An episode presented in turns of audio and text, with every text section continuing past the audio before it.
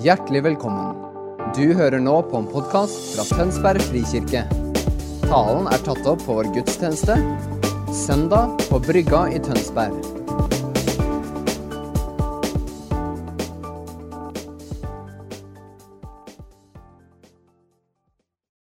Dere, vi, vi, holder på med dette som vi aldri har gjort før. og Jeg vet ikke om vi skal gjøre det igjen, men, men vi har altså våga et helt år nå å ha én en eneste overskrift. Og det har vist seg å være veldig nyttig. At Gud gjennom dette året har gitt oss bit etter bit etter bit, så vi skjønner mer av det helt grunnleggende i denne bønnen. Gud, skriv din historie med mitt og med våre liv.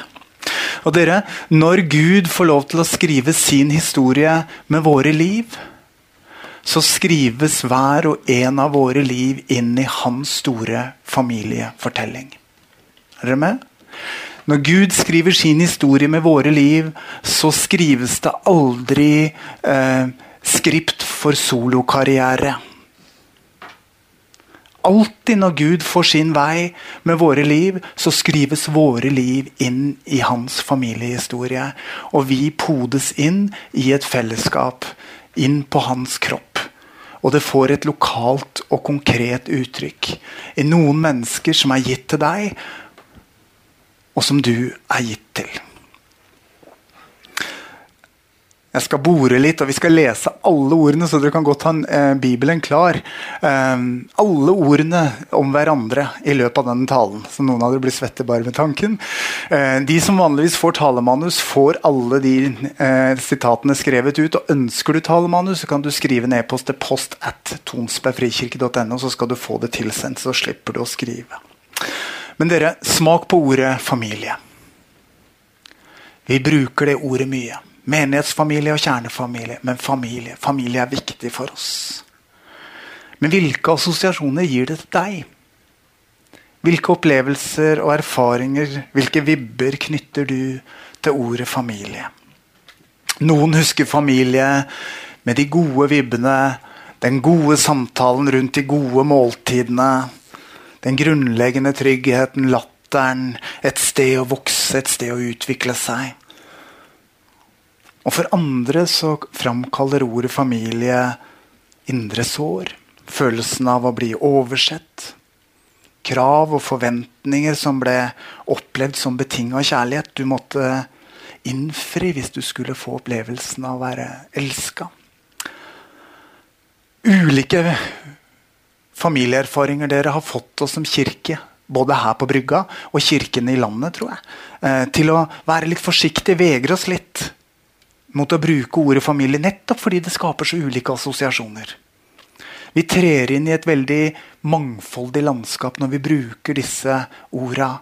Fordi vi vet at det slår på strenger i deres liv ut ifra deres familieerfaring, og den er sammensatt. Både gode og ikke så gode erfaringer.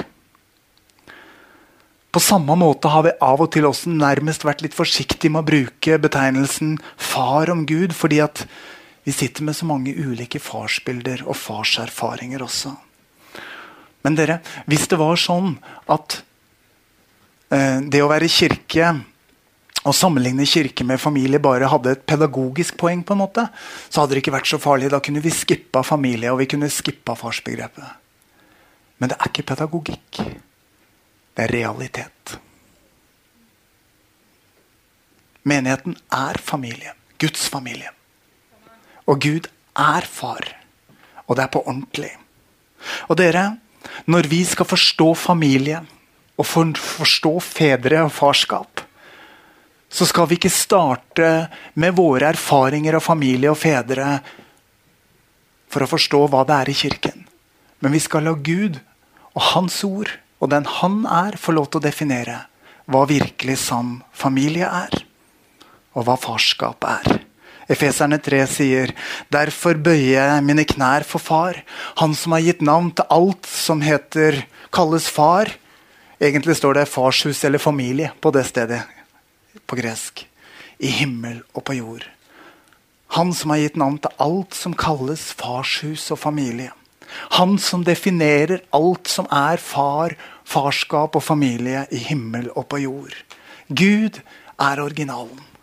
Gud som pappa er opprinnelsen av modellen. Og det himmelske farshuset og den himmelske familien er forbildet på det vi holder på med når vi bygger familie her på brygga.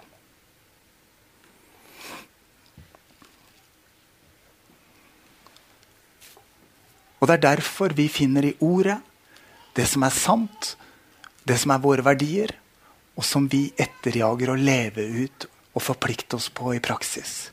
Fordi vår himmelske Far er trofast, så ønsker vi også å stå i trofaste relasjoner til hverandre.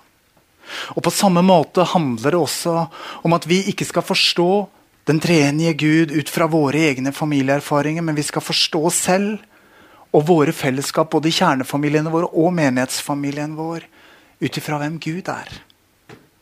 Og hvem han vil være for oss. Gir det mening? Gud var familie før du og jeg fikk erfaring av familie. Gir dere med? Er dere med? Gud skapte familie. Han var fullkommen kjærlighetsrelasjon i Far, Sønn og Hellige Ånd lenge før du og jeg fikk pusten og livet.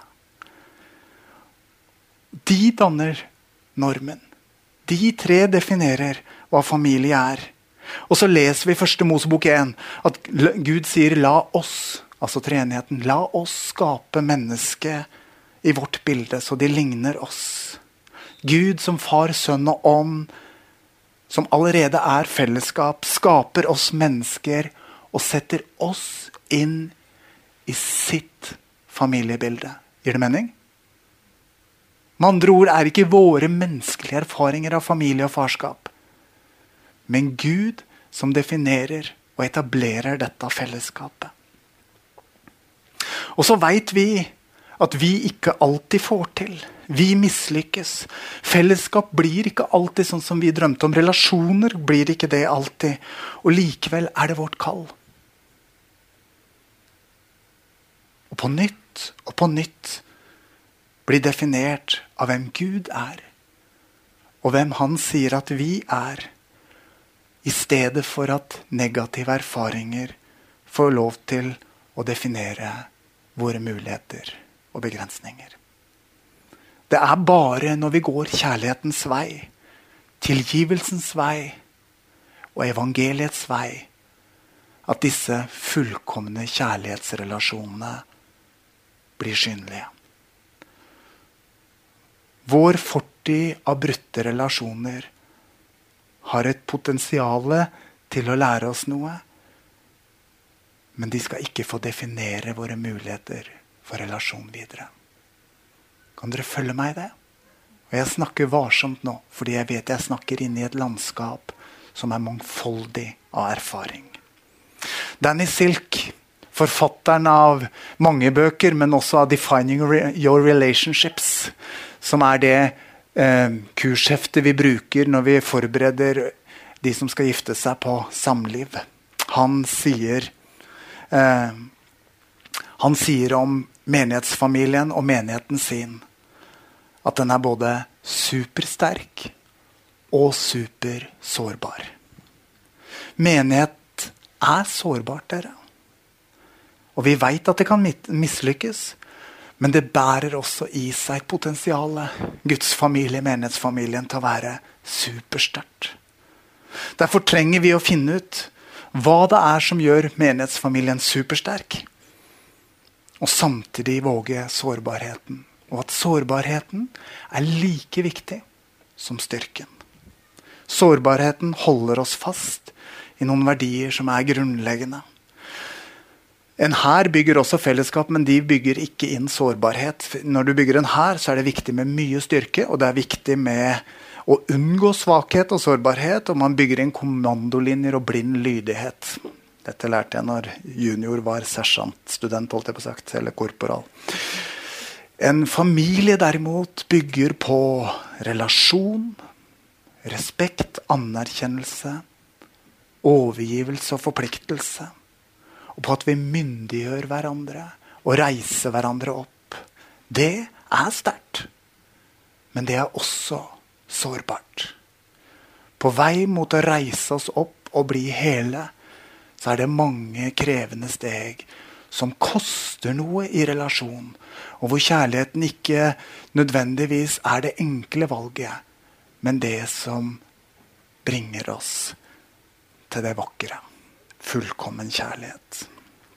Til og med i Bibelen ser vi dere at familier gikk i stykker. Etter syndefallet i første Mosebok 3 så ser vi eh, hvordan Kain dreper Abel.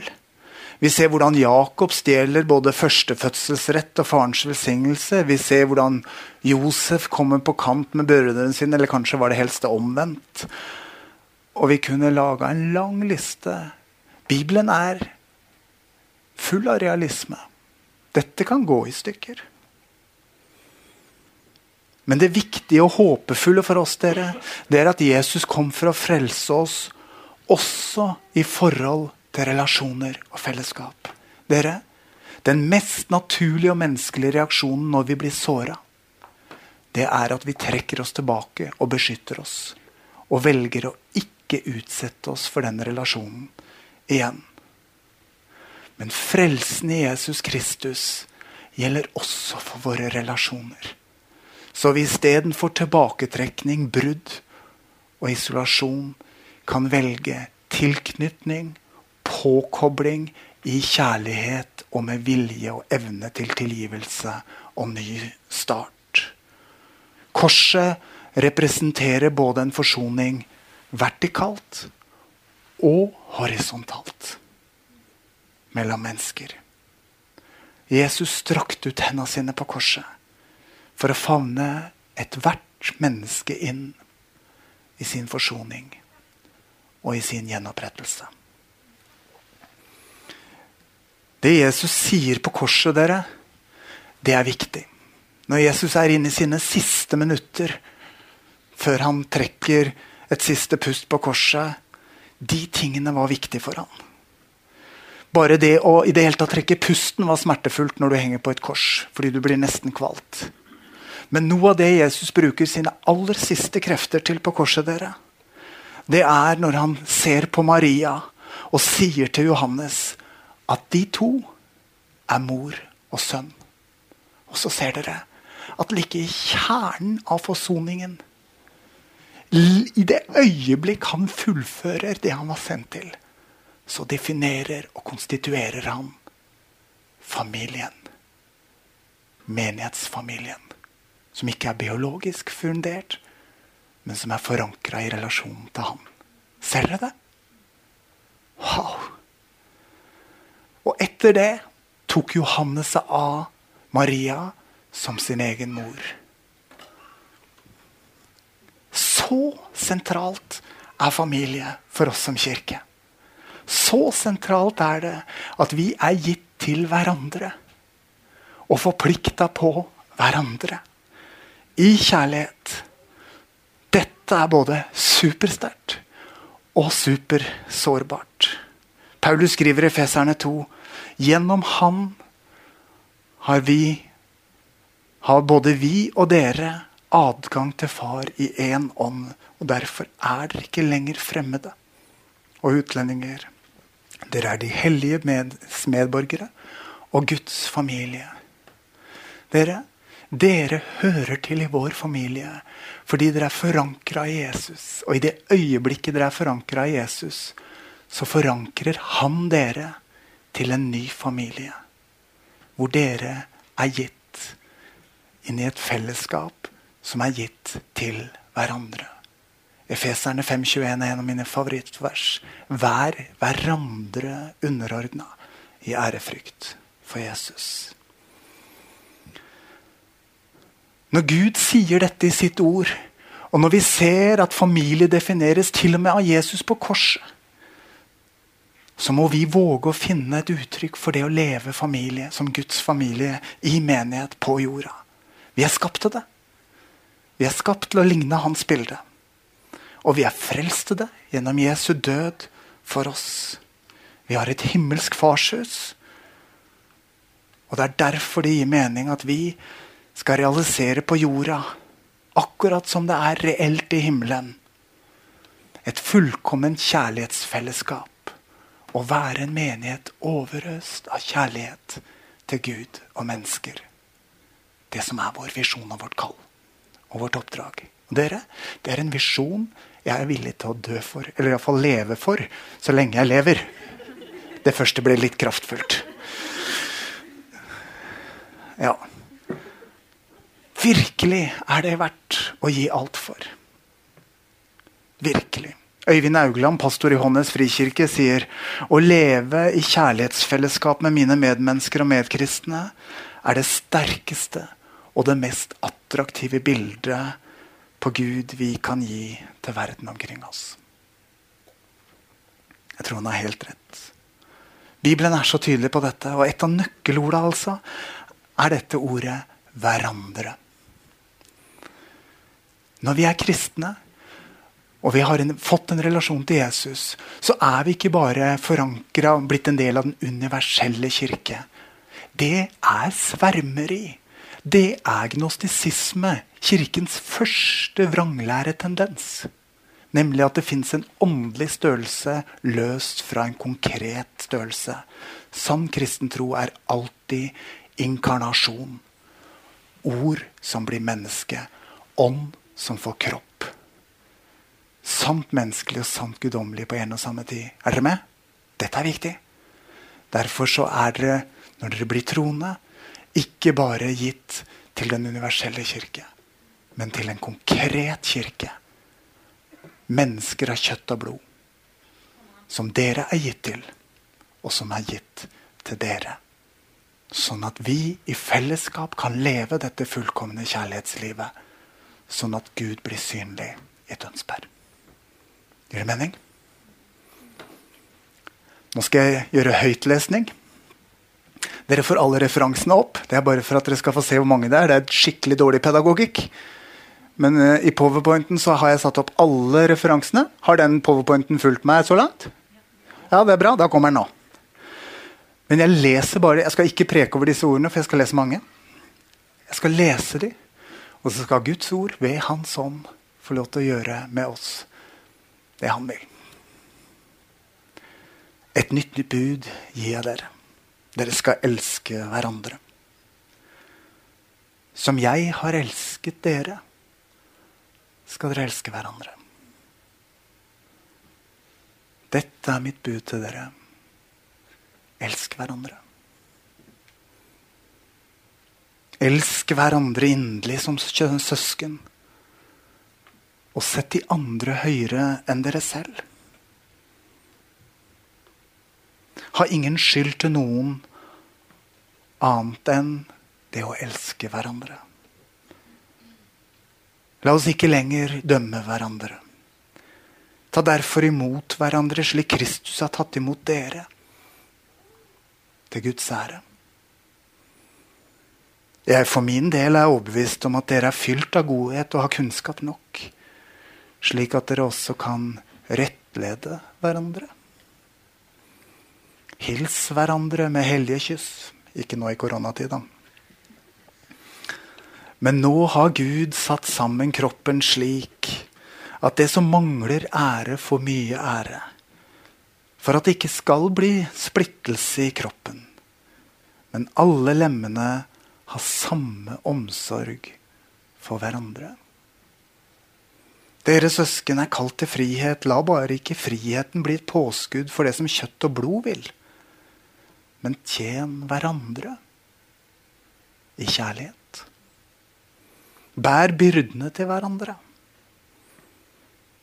Og oppfyll på den måte Kristi lov så formaner jeg dere, jeg som er fange for Herrens skyld, at dere lever et liv som er verdig det kall dere har fått, i mildhet, ydmykhet, storsinn, så dere bærer over med hverandre i kjærlighet.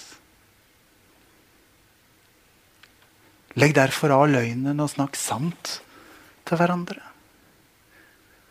Vær gode med, mot hverandre. Vis medfølelse og tilgi hverandre slik Gud har tilgitt dere i Kristus. Vær hverandre underordna i ærefrykt for Kristus. Så dere bærer over med hverandre og tilgir hverandre hvis den ene har noe å bebreide den andre. For som Herren har tilgitt dere, skal dere tilgi hverandre. trøst og sett mot i hverandre med disse ordene. Derfor må dere oppmuntre og oppbygge hverandre, som dere også gjør. La oss ha omtanke for hverandre, så vi oppgløder hverandre til kjærlighet og til gode gjerninger. Ikke baktal hverandre, mine søsken. Kom ikke med klager mot hverandre, søsken, for at dere ikke skal bli dømt. Bekjenn da syndene for hverandre, og be for hverandre, så dere kan bli helbreda. Elsk hverandre inderlig av et rent hjerte. Vær gjestfri mot hverandre uten å klage, og tjen hverandre hver med den nådegave han har fått. Som gode forvaltere over Guds mangfoldige nåde. For dette er det budskap dere har hørt fra begynnelsen av. Vi skal elske hverandre. Mine kjære, la oss elske hverandre, for kjærligheten er fra Gud. Og den som elsker, er født av Gud og kjenner Gud. Mine kjære, har Gud elska oss slik, da skylder også vi å elske hverandre.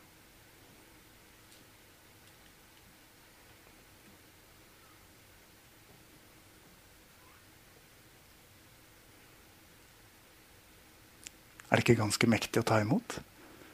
Når vi setter disse ordene inntil hverandre på den måten. Kjærlighet dere ser ut som noe. Den koster oss noe. Forelskelsen kommer gratis. Engelskmennene sier at 'you fall in love'. Den snubler vi inn i. Men kjærligheten, den koster noe. Den er et valg. Og den kommer, gir oss tilgang på et helt annet landskap. Kjærligheten snakker om 'what's in it for me'. Nei, forelskelsen er 'what's in it for me'. Kjærligheten ser hva den andre er, trenger og har behov for. Kjærligheten er supersårbar og supersterk når den leves ut i en menighet som har gitt seg til hverandre overgitt seg til forpliktelsen på hverandre i relasjon. Og blir stående i relasjon, også når det av og til krever noe av oss. Fordi at det er da den fullkomne kjærligheten, den himmelske kjærligheten, blir synlig imellom oss. Dette, dere, er kjernen, helt kjernen, i hva Gud har sagt til oss i Tønsberg frikirke at det er vårt særskilte kall å gjøre tilgjengelig.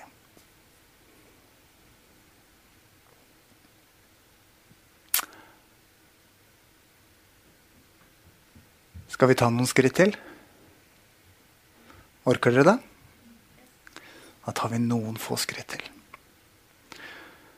For i det øyeblikket vi podes inn i familie, så har vi fått erfare det Gud fra evigheta holder på med, nemlig at han hele tiden utvider sin familie. Det er derfor du og jeg fikk plass. Og i det øyeblikket vi er inne i familien, så er vi en del av det fellesskapet som hele tiden utvider seg fordi at det er det Gud holder på med. Er dere med? Så en introvert, lukket menighet er en selvmotsigelse. For menigheten er det fellesskapet, den familien Gud har satt der. Og den utvider seg hele tiden fordi det er det Gud gjør. Er dere med? Helt fra skapelsen av så handler det om å bli fler. La oss skape mennesket i vårt bilde. Gud setter oss i sammenheng med seg. Bli, fyll jorden. Bli mange, fyll jorden og legg den under dere. Mangfoldiggjør dere selv, så å si. Vi er skapt. Noe av gudelikheten ligger, ligger nedfelt i oss fra skapelsen av. Og det er en del av det å ha rom til fler og bli fler. En sunn menighet skal vokse og legge nye til, for det er det det handler om. Forrige søndag talte Eivind på podkast en veldig god undervisning som er verdt å lytte til. Hvor han viser hvordan Gud veldig raskt valgte seg ett folk med tolv stammer for å nå alle folk og folkeslag.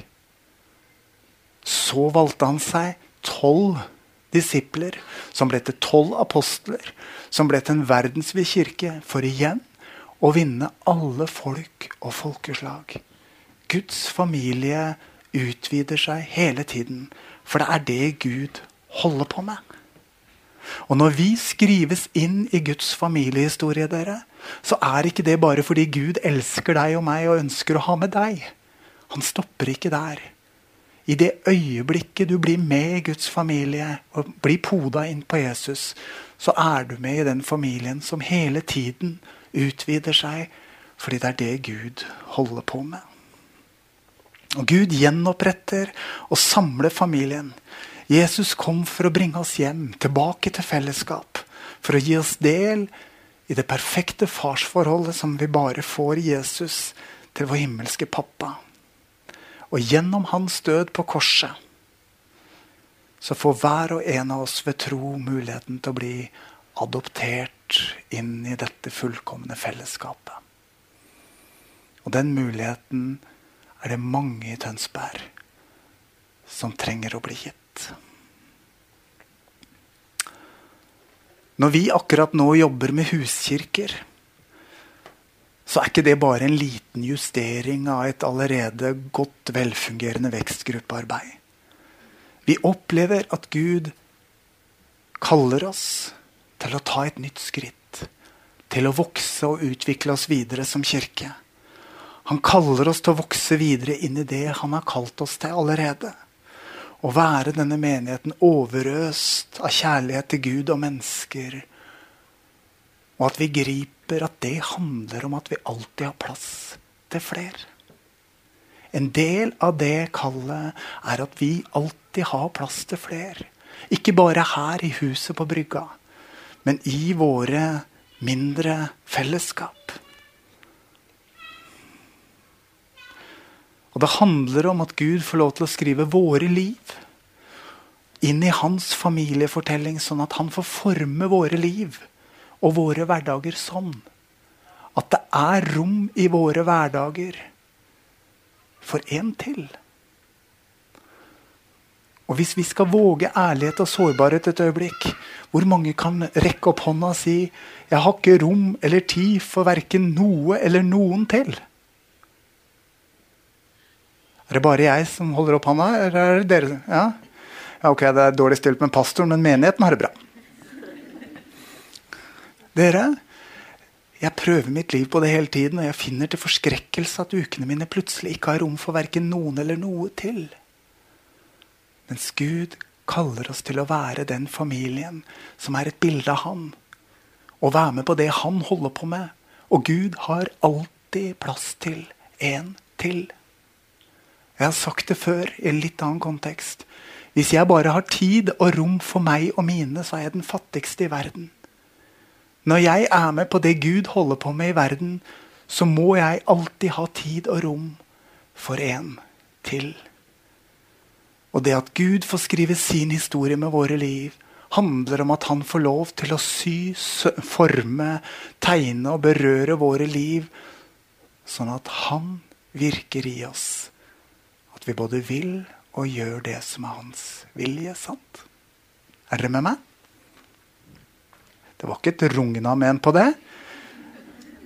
Ja, litt beskjedenthet. Den store, organiserte kirka som vi er her på brygga. Eh, her kommer vi mange og deltar på et sett med aktiviteter, og vi deltar i et stort fellesskap. Men familiebegrepet dere blir veldig sårbart når vi bruker det på denne måten å samles på. Dere, Å møtes her på brygga på søndag som familie er i beste fall et slektsstevne. Det er helt sant. Og alle som har vært på et slektsstevne, vet at det er fullt mulig å drukne i mengden. For det blir litt uoversiktlig. Er dere med? Og det er derfor vi trenger huskirkene. Kjernefamiliene. De små fellesskapene. Sånn at familiebegrepet blir ekte. At vi ikke er flere enn at vi faktisk er mennesker som er gitt til hverandre. Sånn at vi kan dra omsorg for hverandre. Og sånn at alle kommer i funksjon med sine gaver og sin utrustning og sin tjeneste. Hvis vi bare er kirke på denne måten, så får vi inntrykk av at det er noen som tjener med nådegavene sine opp på scenen, og så er dere noen som tar imot og blir betjent. Men det er ikke kirke. Det er ikke galt å gjøre det vi gjør, men det er bare en del av det å være kirke. Når vi blir huskirker i tillegg, når vi både har det store fellesskapet og samlingen i hjemmene, ja, så gjør vi det Kirken alltid har gjort. Samles i hjemmene, møtes i synagogene. Det er ikke sånn at det ene er riktig og det andre er feil. Det er riktig begge deler. Og vi må ha begge deler for at det skal bli et sant og et helt bilde. Da blir huskirkene viktigere. Dere, det er sant om våre vekstgrupper at folk har stått på venteliste i tre kvart år for å få plass i en av dem. Dere, vi skal ha ganske tjukk hud for å ikke føle oss avvist da. Er dere med? Å være i en huskirkevirkelighet er å skape en ny virkelighet hvor det alltid er plass til en til. Fordi det er det Gud holder på med. Når vi forstår oss sjøl som Guds familie, så betyr det at vi per definisjon former livet vårt sånn at vi har den plassen. Sånn at vi kan få øye på hva Gud gjør, og være med på det han holder på med akkurat nå. Misjon starta ikke dere i, i Matteus 28 med misjonsbefalinga. Misjon starta i skapelsen ved at Gud plasserte oss inn i familiefellesskap med seg. Og derfra har han holdt på med dette å utvide familien. Igjen og igjen. Og det ligger virkelig på Guds hjerte at vi skal romme hverandre. At vi er gitt til hverandre og til de andre. At vi skal stå i forplikta kjærlighetsfellesskap. Både når det er vakkert, og når det koster. Og på den måten gi et helt konkret, menneskelig forankra, alminnelig og hellig himmelsk samtidig bilde av hvem Gud er. Det er det vi sier i trosbekjennelsen. Tro på Den hellige ånd. En hellig, allmenn kirke. Hellig fordi Gud er midt i det og holder på med noe. Allmenn fordi det er helt alminnelige mennesker av kjøtt og blod. Men når det hellige får lov til å definere det alminnelige, så møtes himmel og jord. Og så er det ikke vår greie, men hans greie. Og han blir synlig gjennom det. Jeg tror jeg skal stoppe der. Det kommer noen spørsmål opp nå til ettertanke. Audun kommer opp og spiller for oss. Jeg ønska å gi denne talen som en litt undervisende tale. For at dere skulle se det bibelske materialet. For at dere skulle gripe at den bevegelsen vi er en del av, som vi på ingen måte konkluderer med, før vi gjør det i fellesskap gitt til hverandre. Det er en bevegelse som har solid dekning i Guds ord.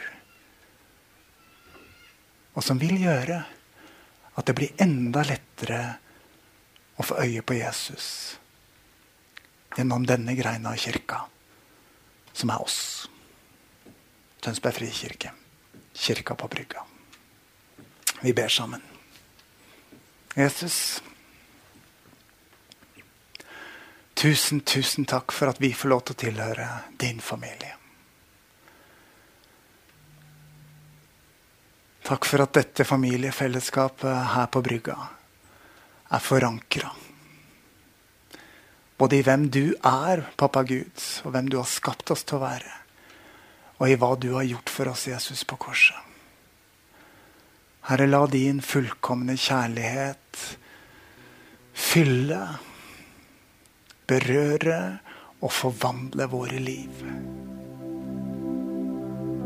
Sånn at vi kan være mennesker som er hverandre underordna i ærefrykt for deg.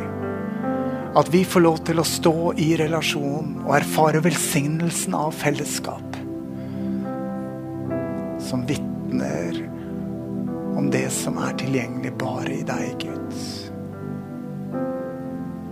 På sitt beste, Jesus når vi kan stå og tappe inn i nådens kilder for oss selv og for hverandre. Så blir menighet en forsmak på himmelen. For det at det som er tilgjengelig der og i deg, allerede her og nå blir tilgjengelig for oss. Og Jesus, forbarm deg over oss, for vi trenger din nåde og din kjærlighet. Og vi trenger hverandre. La kjærlighetens under skje igjen og igjen og igjen i våre liv, i våre kjernefamilier og i vår menighetsfamilie. Så avstand, isolasjon og tilbaketrekning opphører. Og så forsoning og gjenopprettelse, legedom og kjærlighet får være fruktene av det du gjør i vår midte. Amen.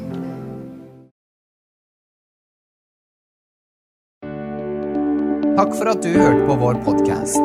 Har du spørsmål eller ønsker du å vite mer? Søk oss på vår nettside tonsbergfrikirke.no. Du er også velkommen til kirke på Brygga i Tønsberg.